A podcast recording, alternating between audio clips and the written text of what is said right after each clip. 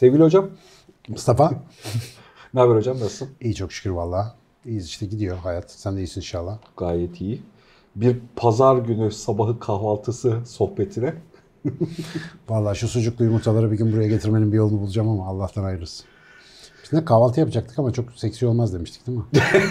bandıra bandıra böyle. bandıra bandıra grom grom Hoş bir şey değil gerçekten. Hocam peynirin ancak bir parçasını bıraksaydım falan diye. Ben 30 tane zeytin yerken millet sayarmış buradan falan. Ben çok zeytin yerim de. Güzel. Evet ben de zeytin yerim. Niye? Şey, biz Bilmiyorum. tuzlu seviyoruz değil mi sabah Abi keskin tat ya sabah ayıltıyor adamı. Yani bir de sabah sabah köründe Adana kebap yemeyeceğine göre en keskin tat herhalde. Yemeyeceğine göre kime göre neye göre? Tabii yani, yemiştim. Cartlak kebabı yani yemiştim. Geçen var. Hatay'a gittiğimde sabahı ciğerle açtık evet. yani. Akşama kadar nasıl su içtin ama? Çok sağlıklı bir şey. Ya Seda ile beraber şöyle oldu yani. Hani sabahleyin gerçekten kahvaltıyı öyle yaptık. Eve gittik biz bayıldık Seda yani falan diye. Bizim İnsanlar normal yaşamına devam ediyor. Cartlak kebabı da öyle işte. Ciğer, yürek falan geliyor. Sabah 9'da yedik biz onu. Yani akşama kadar hiçbir şey hatırlamıyorum. Ben bir konuşma yaptım arada. Onu da hatırlamıyorum. Anestezi gibi. Benim elimdeki eski projelerden bir tanesidir. Eğlenceli proje. Ben araştırma işlerini severim biliyorsun. Ee, bu araştırma projelerinden bir tanesi olarak e, bin tane kadına sorsak belli konu başlıkları altında e, kendi duygusal ilişkilerindeki mükemmel erkeği tanımlasalar ve bunu süzerek bir mükemmel erkek tanımı çıkarsak. Yani kaç kadına soruyoruz? Bin kadına sorsak. Yetmez. Neyse. Ama çok fazla ortak örüntüsü olacağını zannediyorum e, bir şeyde. Bu aslında sosyal kimliğimizle alakalı bir fotoğraf ya. Yani erkek olmak e, bizim biyolojik cinsiyetimizin haricinde, üreme ile ilgili canlılık fonksiyonumuzun haricinde aslında sosyal olarak, sosyal evrenin içerisinde bir kimlik. Yani erkek olma bazı sosyal davranışları da zaruri hale getiriyor. Bu erkek olma davranışlarının özellikle duygusal ilişkilerin içerisindeki davranışların şeklinin 10 yılda bir gittikçe hatta daha kısalan süreler 5 yılda bir falan tanımının değiştiğini fark ediyorum. Yani bizim 1980'li yıllarda erkek olmayla ilgili öğrendiğimiz genel fotoğrafla e, şimdi 2020'deki 2022'deki erkek olmanın tanımı birbirinden belirgin bir şekilde farklılaştı yani. yani içerik açısından. Düşününce neler neler geliyor. Ha, yani hani evet. 1980'lerde 90'larda bir duygusal ilişkide düzgün bir erkek hani böyle kaliteli bir erkek fotoğrafını düşün. Biz hani o şeydeyiz. Şimdi onların birçoğu yani kötü bir erkek olduğuna dair işaret. Evet retro kaldı ya da değişti. Birazcık bunun üzerine sohbet edelim mi? Bu değişenler neler? Ne oluyor? Mükemmel erkek modeli. Üzerine. Mükemmel erkek modeli evet. Mükemmel erkeğin Kısa 2022. Mükemmel model. Adapte olabildin mi? Bir kere onu sorayım. Yani Şimdi, mesela bu değişimde. Yok ben zaten çok ilgilenmiyorum. Zira e, benim erkek kadın tanımlarıyla ilgili uzunca bir süre takıntımda olduğu için e, şöyle konsantre olamıyorum. Öyle desem daha doğru olacak. Çünkü bu bahsettiğim mesela biz çok kısa bir süredir buradayız. Yani 40-50 sene çok uzun bir zaman değil hani tarihsel olarak. Onun içinde bile 10-15 kere değişen böyle şeyler gördüğümüz zaman bir, bir taraftan da işte fabrika ayarlarıyla uğraştığında erkek ve kadın dediğimiz davranış kalıplarının bir evrimsel kısmı var. Sonra bir de üstüne binen kültürel kısmı var. Bir de yeni kültürel kısmı var. Yani kabaca böyle üç katmanlı bir şey gibi düşünebilir ve bu yeni sosyal ya da yeni kültürel hikaye biraz böyle yüzeydeki dalga gibi görünürde bizi çok meşgul ediyor mu? Bence aşağı planda hala temel dertlerimiz duruyor. Ee, yani bir, sen şimdi sadece şu kısacık açılış şeyini söylerken aklıma tonla şey ulaştı. Mesela kadınlara sormak iyi fikir diyorsun ya. Onunla ilgili çok hikaye var. Ondan sonra bu e, yani işte 10 sene 20 sene önceki hikayelerle ilgili benim yaşadığım şahsi meseleler var. Bir de mükemmel lafı var. Mesela bugün özellikle hani mükemmel lafı ortada olduğu için mükemmel Mükemmel tabii bir metafor. Hem işte metafor da ya metaforun imlediği bir şey var.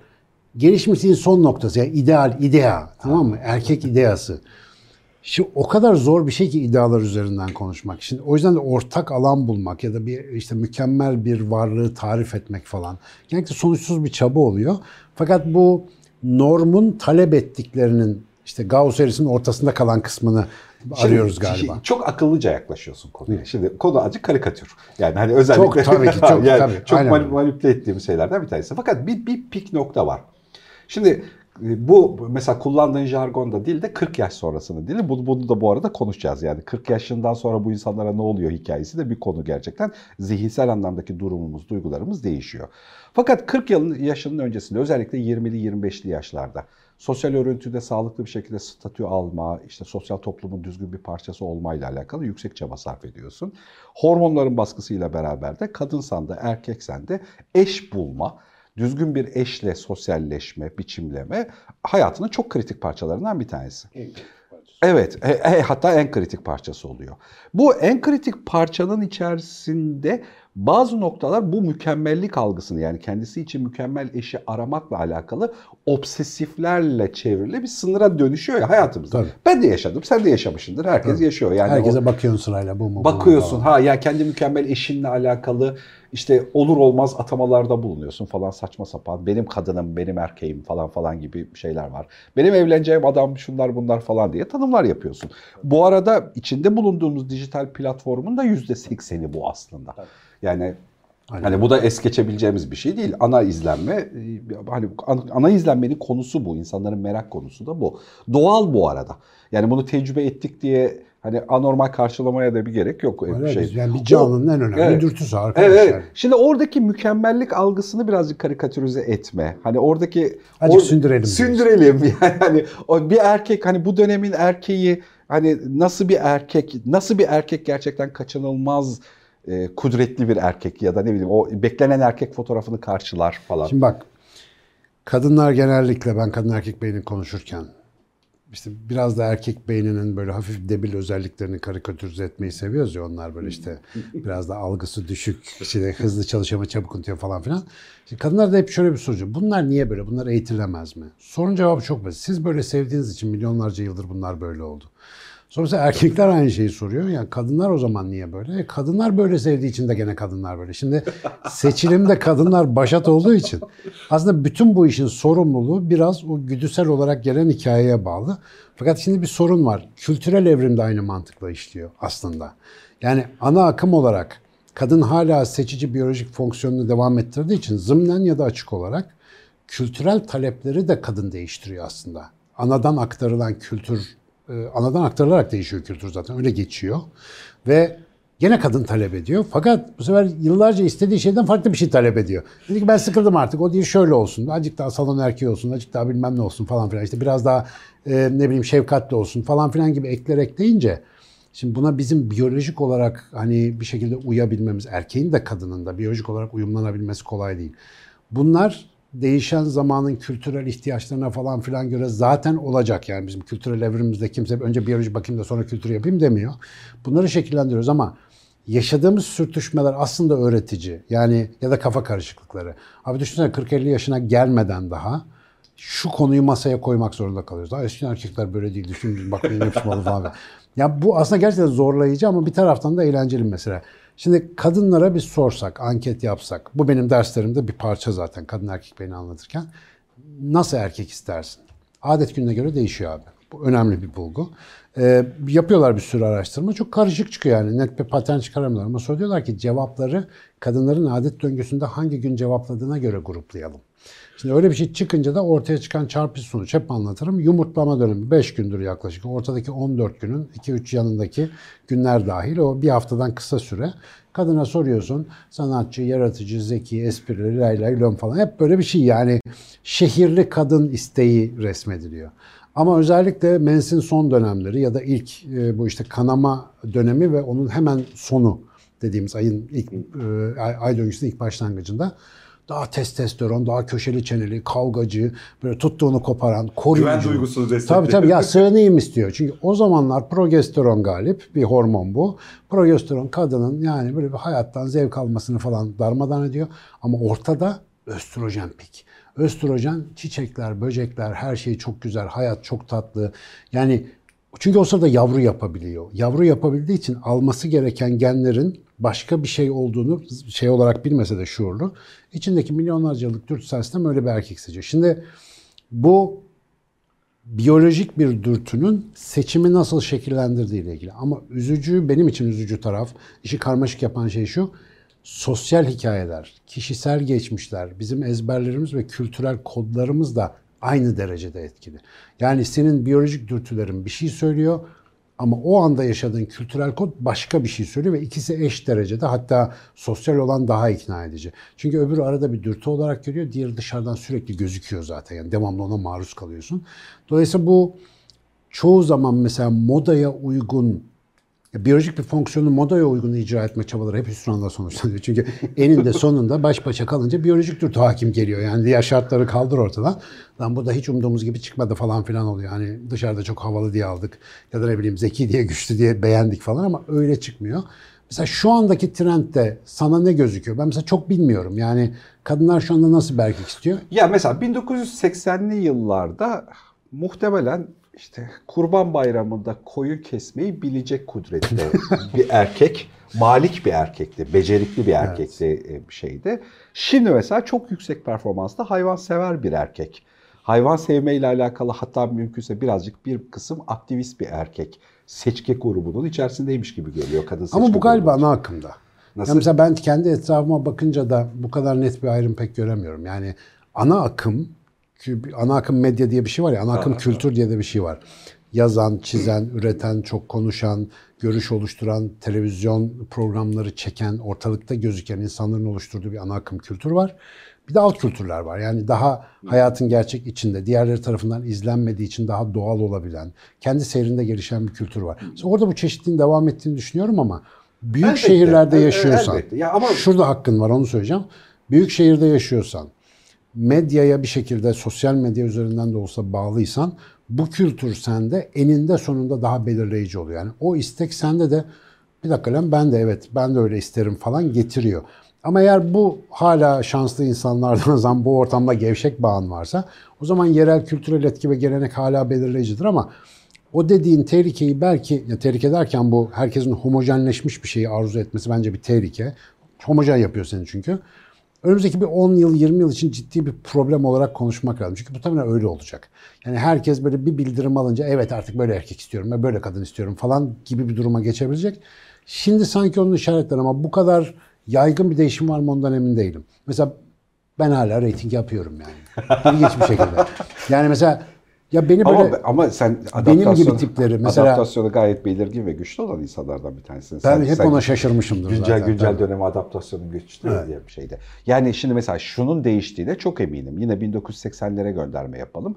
Arabasıyla gelen oğlan fix 3 adım öndeki olan oğlandı. Şimdi kesinlikle e, atıyorum yani iyi bir sosyal organizasyonun içerisinde işte çevre için, hayvanlar için, bilmem ne için falan aktivist olan oğlan üç adım önde. Ama yani, bak bunlar ne? E, e, Yine yeni sosyal ortamda becerikli olan. E, elbette Normlara tabii. uyan. Tabii tabii. Ama burada sahip olmaydı hikaye. Burada daha hani bireysel olarak bir şey yapma. Yani mala sahiplik değil de daha yani yaşamsal olarak bir aktivitenin içerisinde olmayla alakalı. Bir de e, şey verisini biliyoruz işte uzun zamandır. Yani Türkiye'nin %90'ı kentte, %52'si metropolde artık. Yani o merkezi ana medya, ana akımların etkisi altındayız hepimiz çok çok hani kaçabilir. Ama Allah'tan işte Alev Allah'tan dediği gibi çok okumadığımız için yırtıyoruz yani. Çok derinlemesine girmeyince o bize nüfuz etmiyor. O bir şey diyordu. Ya bu global manipülasyondan falan bizi kurtaracak olan şey okumaya karşı mesafemiz diyordu yani. Okumadığımız için belki de yırtacağız bu işten. Ya biraz apokaliptik bir görüntü Ya şu oku, okumamanın, okumama üzerinden ekmek yapılabilecek cümleler vermesen insanlara. Hayır ama yani. şöyle. E, bu aynı zamanda kopukluğu da getiriyor. Neden kurtulabiliriz diyor. Yeni seni bir yere götürmeye çalıştığın onu ama geleneğine saplanmak demek bu aynı zamanda. Geleneğinde kalmak yani anakronik olmak, zamanın dışında kalmak. O işin başka bir tarafı. Ee, bu yeni hal, şu anda yaşadığımız hal. Mesela ben uzunca bir süredir sosyal medyayı Twitter hariç aktif kullanamıyorum. Yani vaktim yok çünkü. Oradan gördüğüm şeylerin gittikçe bana tuhaf gelmesiyle ilgili bir rahatsızlığım var. Çünkü uzakta kaldığın zaman oradaki dalgaya da yabancılaşıyorsun. Ve Özellikle de belki bu konuya hep mesafeli kalıp da kafamı biyolojiye sokmam bundan kaynaklanıyor olabilir. Muhtemelen şu anda 18-25 yaş bandında olsam bambaşka bir hareket paterni örüntüsü sergilemem gerekebilir. Çünkü benim Ankara Hacettepe'de gösterdiğim performansım bugün burada çok fazla geçmeyeceği. İşte seziyorum yani ne farklı çok bilmiyorum. Mesela ben bir, bir hanımefendiyle bir kız arkadaşımla bu yani kız arkadaşım olabilir, romantik bir ilişki olabilir, arkadaş grubu olabilir. Ya oraya gittiğimizde hesap ödeme diye bir konuda opsiyonlar olduğu bir dünyadan gelmiyorum ben. Yani en büyük stresim param yetecek mi acaba? Kredi kartı da yok ya. Çünkü o işin bütün sorumluluğu benim üzerimde. Eğer kızlarla beraber bir yere gidiyorsak mesela. O benim alternatifini görmediğim bir şeydi. Mesela şu anda durum böyle değil gibi gözüküyor. Yani böyle böyle bir zorlayıcı faktör Hatta yok böyle gibi. davranırsan belli gruplar yine an- ana akımın içerisinde pozitif algılanmıyor. Maço. Yani, maço. Evet. Gözüküyor, yani hani böyle niye sen şimdi bu burayı domine mi etmeye çalışıyorsun? Yani bizim üzerimize Yanlış baskı zamanda geldik. Vay, çok ucuza gelecekti abi. Evet çok, evet. Çok tabii para tabii yani hayatımızın önemli bir döneminde yani bizim yaş grubu erkeklerin hepsinde vardır. Yani işte paran o sosyal ortama yetecek mi yetmeyecek mi planları yapmak zorundasın hep. E, bu arada bir tehlikeye de dikkat çekerim. Bu özellikle benim birçok öğrencim ve zamanında işte beraber akademik hayata başladığımız insanlar şu anda sosyal psikoloji, evlilik danışmanlığı falan filan gibi işlerle uğraşıyorlar. E tabii bu senin bahsettiğin yeni trendler e, aile kurma ve aile bozma konusunda da yeni parametreleri getiriyor. Yani insanlar artık başka nedenlerle bozuşuyorlar, başka nedenlerle anlaşıyorlar. Mesela onlar içinde bir tanesi şu seçenek bolluğu illüzyonu var ya ona hep bahsediyoruz. Yani çok fazla dışsal seçenek varmış gibi gözüküyor. Elimi sallasam ellese dolayısıyla bunda çöp çıktı ben bunu değiştireyim yerine başka bir şey alayım kafası arka planda çok fazla yaşıyor. Bu bizi yoruyor ve bu gittikçe de zımni yani görünmez hale geliyor. Biz mesela bundan konuşuyoruz. Herkes diyor ki tabii canım saçmalık öyle bir şey gerçekte de yok yani kaç insan tanıyabilirsin ki. Ama beynin o dürtüsel kısmı hala bu konuda çok acemi olduğu için o işte bir anda birkaç milyar insanla bir ortama girebilme ilizyonu sanki hepsine eş düzey ulaşabiliyormuşuz gibi bir şey getiriyor ve gerçek hayatta sabır falan filan kalmıyor. Bu var. Artı bir de bu yeni beklentilerin hepsiyle ilgili benim bir çok sevdiğim bir evlilik danışmanı arkadaşım var. Onda kendi bu konularla ilgili kişisel hikayesi çok. Kadınlar seçici diyoruz ya. Sosyal olarak değişen yeni trendler kadınların erkek seçimini de etkiliyor. Erkek beğenme, o işte onu nasıl diyelim belli bir sıralamaya sokma kıstaslarını değiştiriyor. Yani önceden alt sıralarda olanlar şimdi üst sıraya geçiyor falan. Ama şöyle de bir durum gözüküyor. Kültür kültür dediğim şeyin önemli parçası aile ya. Birçok kadın e, sosyoekonomik gelir düzeyi, yaşam yeri falan ne olursa olsun bir erkekle birliktelik kurup onunla beraber uzun vadeli bir yola çıktıktan görece kısa bir süre sonra ailesel kodlarının tekrarını bekliyor çoğunlukla. Yani kocasından mesela babası gibi bir davranış bekliyor ya da daha bildiği bir erkek modeline benzer bir davranış bekliyor. Bu kaçınılmaz bir şey. Çünkü bizim zihinlerimiz o yaşlarda ilk 2-3 senede kadın erkek davranışı denen şeyin ne olduğunun temelini etrafındaki insanlardan görüyor. Ve birçok patoloji de buradan geliyor bize zaten. Mesela annesi nasıl davranıyorsa bir kadın öyle davranmalı kodu bir yerde var öyle başlıyorsun. İşte babası nasıl yapıyorduysa ya da dayısı neyse o kod öyle geliyor. Şimdi sen ne kadar çıktın modern hayat trendler okudun ettin mürekkep yaladın falan. Her şey çok güzel sanatçı bir şey istiyorum ben falan. Tamam güzel. Ama işte oturuyorsun eve yavaş yavaş pijamalarla birbirinin yanında kaşınabildiğin, giyirebildiğin bir moda geçiyorsun falan. Böyle bir hayat başlıyor.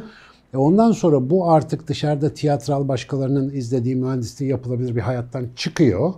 İçinde bizzat yaşadığın ki daha önce yaşamış olduğun bir şeyle de bildiğin bir normal hayatın için. Normal hayatın paternleri otomatikman devreye giriyor. İlk devreye giren de genellikle kişinin kendi örüntüleri. Kendisine dair örnek aldı, kendi cinsiyet rolüne dair örnek aldı. Örüntüler önce çıkıyor.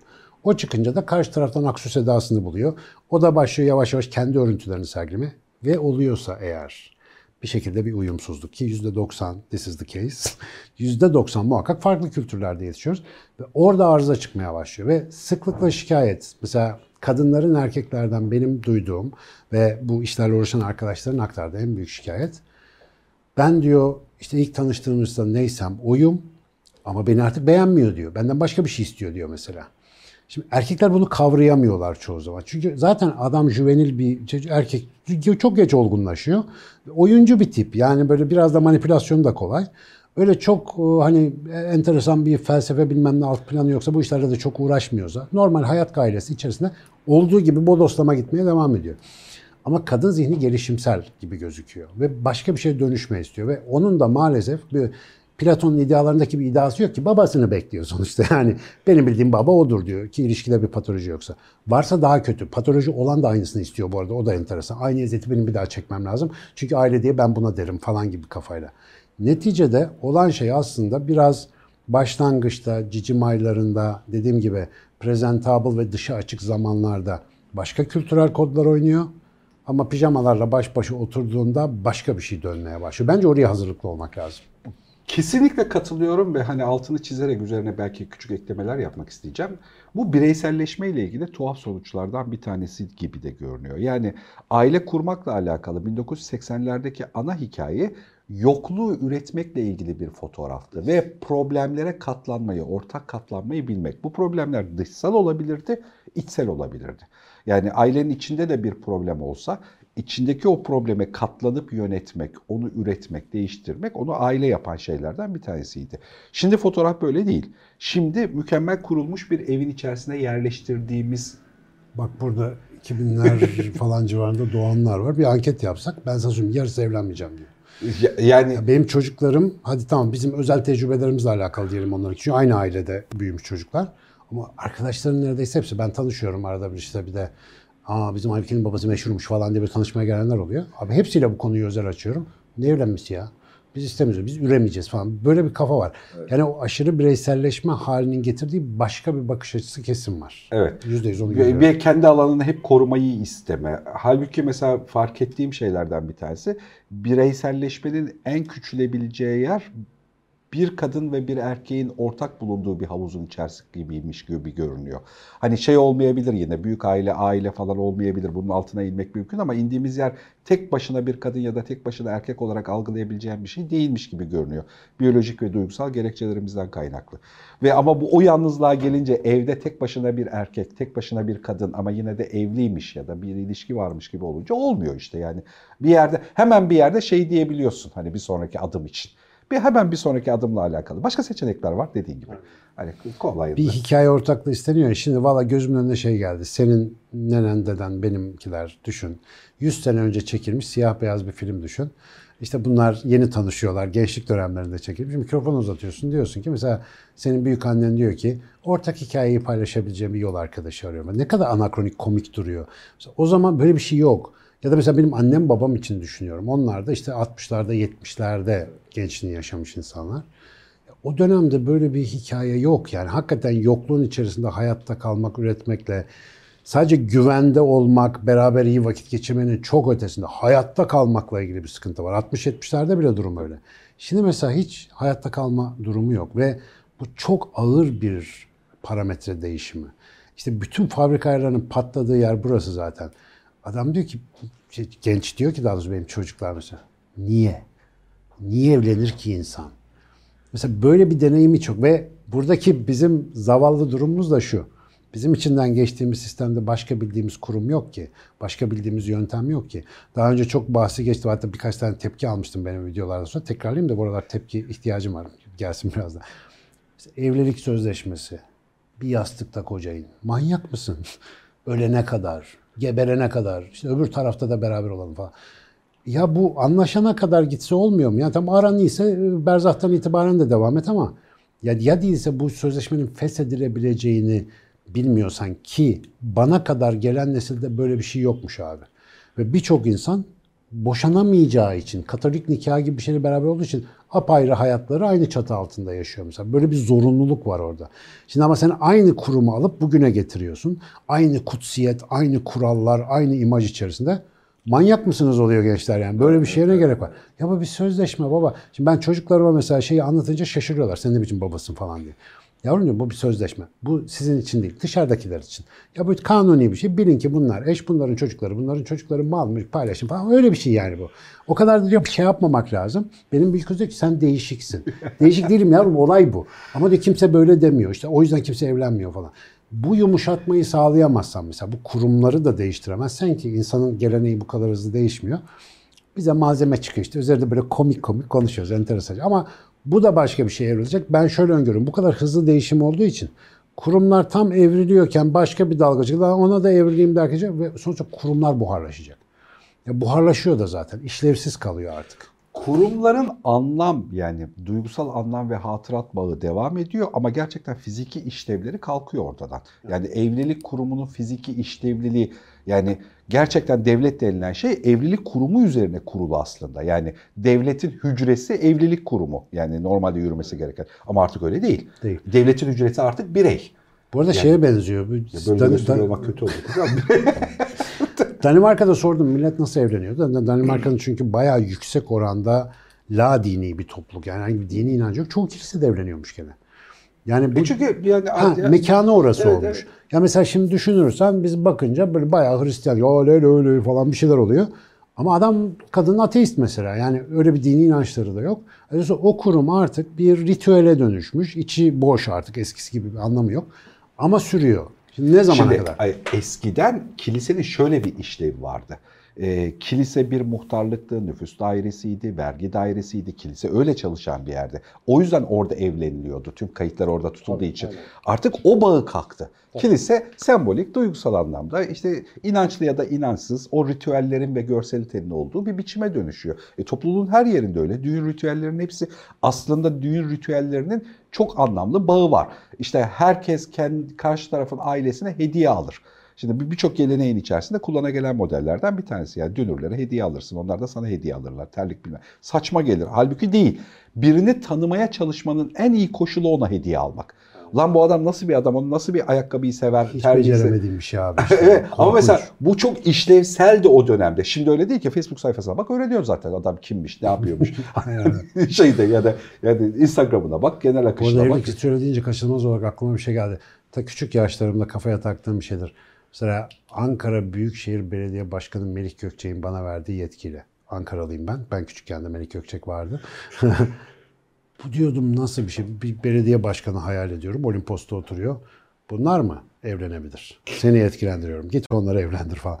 Böyle garip bir, enteresan bir hiyerarşik, böyle bir monarşik tarzda bir yapılanması var ya. Şimdi biri sana yetki veriyor, sen bunlar hakkında karar veriyorsun. Mesela evlenmenize bir mani görülmemiştir.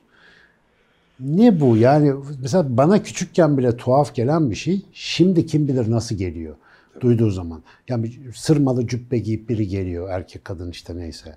Uzun bir masaya oturuyor. Ama evlilik daha çok işte oluşturula gelen kültür ve malla ilgili ya. O yüzden devletin bir parçası. Zaten devlet işte, o kayıtların evet. içerisinde tutmak zorunda. O yüzden devlet tarafından mühürlenmeli, biçimlenmeli hakların korunmasıyla alakalı başka bir sürü işlevle alakalı. Bu arada evliliğe karşılıkla alakalı değil. Evliliğin Ha, bu arada sanki evet biz böyle konuşunca mesela bu, ara, bu arada olayın bu bir veçesi. Evet. Mesela şimdi hep şunu tekrar hatırlatayım çünkü bir başka videoda bahsettiğimizi görmeyecek bir sürü insan vardır. Sosyal evrimde seçilim diye bir şey var. Yani biz mesela e, primat kökenlerimize baktığımızda çok eşliyiz, bayağı coşkuluyuz bu konuda. Hiç sınırımız yok. Cinselliğin şafağını okuyan dinden imandan atıyor zaten. Bütün bu hikayeye baktığında on binlerce yıldır, hatta son on bin yıldır özellikle devamlı tek eşli birliktelik ve aile bağının bir akitle en azından bir kabile içerisindeki bir aha da bunlar beraber e, sözleşmesiyle fixlenmenin seçildiğini görüyoruz. Demek ki bu işlevsel bir şey. İşe yarıyor. Eğer bu olmasa mesela ne olurduyu çok kolay simüle edebilirsin yani. Mesela çocukların ailesinin kim olduğunu, hani annesinin kim olduğunu bilirsin ama babasının kim olduğunu bilmediğin bir kabile ortamı. İşte atıyorum 20 bin yıl öncesine kadar çalışıyorum zaten. Çoğu toplum öyleymiş. Kabiledeki bütün erkekler çocuklara baksın diye özellikle bir baba belirleme ihtiyacı duymamışlar da taş patlasın 200 kişi var zaten. Dolayısıyla çocuklar aslında çok daha iyi bakılıyor. Ama şimdi sen Çünkü o aslında bir süper organizma. Aynen öyle. Çünkü Beraber- kabilenin tümü tabii. bir, bir organizma birey aslında. bile yok abi. Doğru dürüst isimler Evet. muhtemelen sayılarla falan bir İşte aile dediğimiz şey oradaki o. O bütün. Aynen. Bütün hepsi aile. Ama şimdi sen yüz binlerce, milyonlarca insan bir yere bu çalışmıyor. Çocuk yolda açlıktan ölebiliyor yani. Kim bakacak ona? Bu benim çocuğum değil oluyor mesela. Dolayısıyla böyle bir sistemde hayatta kalmayı destekleyen işlevsel bir yenilik bulmak zorundasın. Taş balta da tabiatta yoktu ama biz bunu yapmak zorunda kaldık. Çünkü bizim ihtiyaçlarımız o alet olmadan giderilemiyordu. Bu da bir araç, bu da bir aygıt. Geliştirdiğimiz, icat ettiğimiz şeylerden bir tanesi. Dolayısıyla bunu akıllıca transfer etmezsek baltasız kalırız. Yani bıçaksız yemek yapmak gibi bir durumumuz olur. İlk başta çok güzel geliyor. Niye? Cendereden kurtulmak herkese iyi gelir. Mesela ağrım geçince mutlu olacağım gibi bir şey. Öyle olmuyor ki. Ağrın geçtiği zaman başka sıkıntı yaşıyorsun.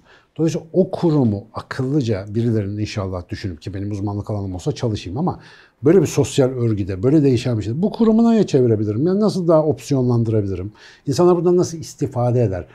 İnsanları kurumlara ya da adetlere eklemeyi bırakıp da sistemleri insanlara uydurmak gibi bir şey yapabilsek nerede o plastiste bizde hiç olmamış ki yani bir taraftan da. Ben şu anda olmayan bir şey istiyorum onu fark ettim.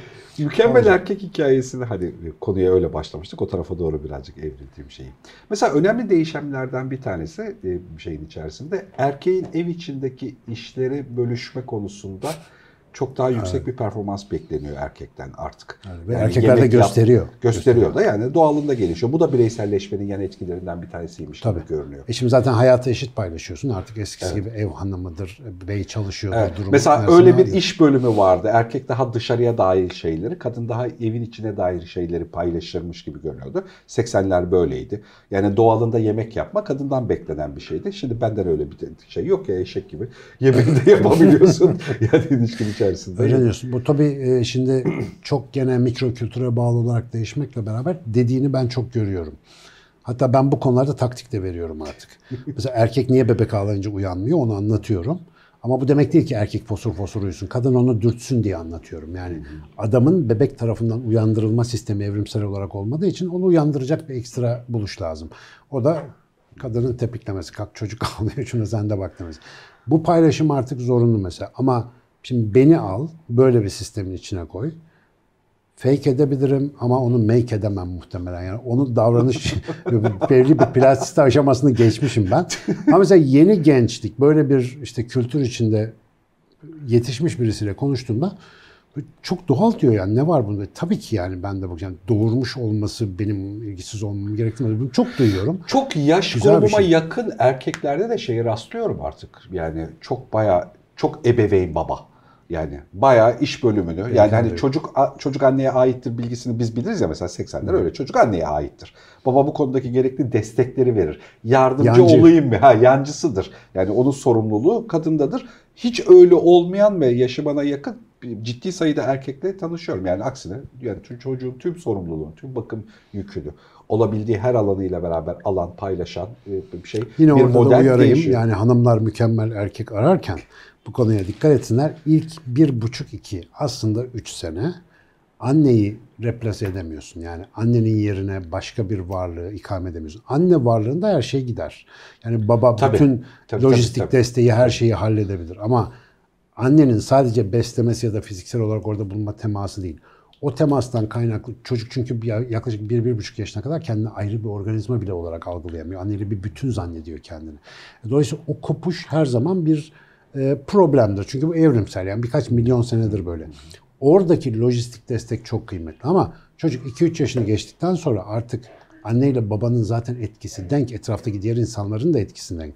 Onu orada bir sağlam ortam hazırlamak zorunda. Öyle sürekli daha baştan beri o hamile kalsın ben kalmam falan kafası olmuyor yani. Öyle çalışmıyor bu sistem. İşte biyolojiyi anlayan rahat eder de çok anlatamıyoruz. Hala bazı yerlerde takılıyoruz. Mükemmel. ya aklıma hep şey geliyor şu spor bilimlerindeki arkadaşlarım bana gelip de bizi kızlarla tanıştırsana dediği hikaye. Ya çocuklar betonarme çocuklar benden yardım istiyorlar düşünsene. Ben o zaman tabii biraz daha böyle havalıyım falan ama gene böyleyim yani. Lan bir tanesini çekip aynanın önüne götürmüştüm ben. Bizim mahalleden bir arkadaş. Kendine bak bir bana bak. Büyük ayna vardı bizim kafeteryanın girişinde Hacettepe'de. Dedim baksana dedim şu görüntüye. Lan dedim evren ağlıyor şu anda. Ben de ne istiyorsun dedim sen ya. Sen, senin dedim tipe bak benim tipe bak. Ama o hikayenin bana çok öğretici olduğunu zamanla gördüm. Çünkü mükemmel erkek çok kültürel bir şeymiş yani. Çok böyle biyolojik bir şey değil. Biyoloji taraftan besleniyor ama kültürel kısmı çok fazla. Eğer o günün kültürel kodlarını iyi tutturabilirse beylere de ufak bir taktik vermiş olayım. Yani açık gözünüz açık olsun. O kültürel kodları iyi okuyun şöyle. Yani ona göre olduğunuzda biraz daha şansınız artabilir diyelim mi? Ne diyelim bilemedim yani. Artmasın inşallah. Biyolojik olarak e, belli standartlar aslında insanların çok büyük genelinde olan şeyler.